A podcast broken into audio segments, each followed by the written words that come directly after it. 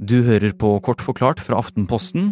Jeg heter Philip A. Johannesborg, og i dag er det fredag 24. mars. I dag ba Riksadvokaten om at straffesaken mot Jan Helge Andersen etter drapene i Baneheia i år 2000 skal gjenåpnes. Og det er en ny, stor omvending i en av norgeshistoriens mest omtalte krimsaker.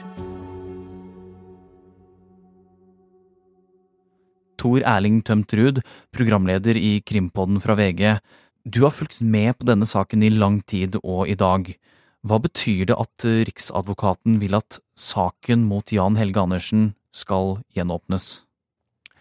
Det betyr at Riksadvokaten eh, vil at Gjenopptakelseskommisjonen skal gjenåpne denne eh, saken til skade for Jan Helge Andersen. For det er ikke bare sånn at eh, det er de som mener at de er uskyldige, som får saken sin inn i Gjenopptakelseskommisjonen. Den kan også tas opp hvis man mener at andre er skyldige.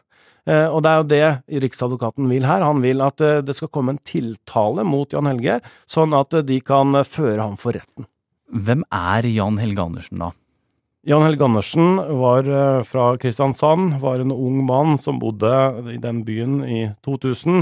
Eh, og så ble jo han pågrepet da i september det året, og har jo da egentlig siden eh, sittet i fengsel. og Han fikk jo en straff på 19 år i fengsel for, for drapet. Han sona ferdig for noen år siden. Da kom han ut, og har etter det bodd på et hemmelig sted med hemmelig adresse.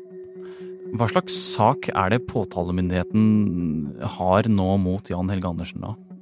I arbeidet med denne gjenopptakelsessaken mot Viggo Kristiansen, så måtte da politiet etterforske hele Baneheia-saken på nytt.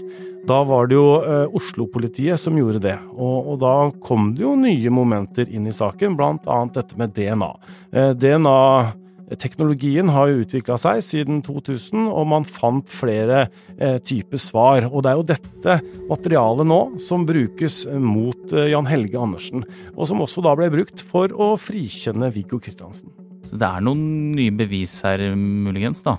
Ja, det er snakk om eh, DNA-bevis som man ikke kunne få fram eh, den gangen. Da er det sånn at den gangen så fantes det ikke DNA-spor fra Jan Helge Andersen på Lena. Men med ny teknologi så har de kommet med nye analyser og nye resultater som viser at hans DNA er også på henne. Eh, og da må jo han forklare hvordan eh, det eventuelt da har kommet dit. Ja, for denne saken handler jo om drapet på én av jentene. Hvorfor ikke begge to?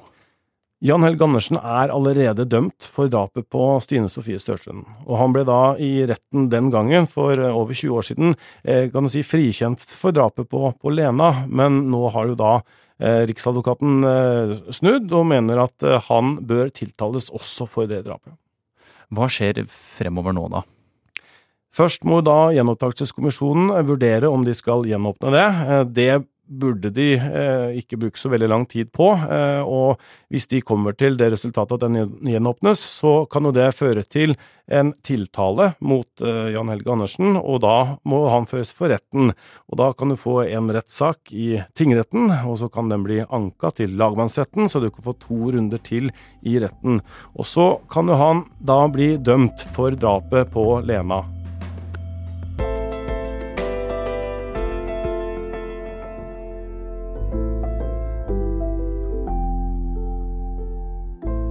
Du har hørt en podkast fra Aftenposten.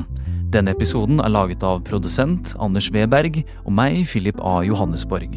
Det var Tor Erling Tømt Ruud fra Krimpodden som forklarte deg saken, og Krimpodden ja, den kan du høre i Podme. Mandag er Forklart tilbake med vanlige episoder der vi forklarer én nyhetssak hver ukedag.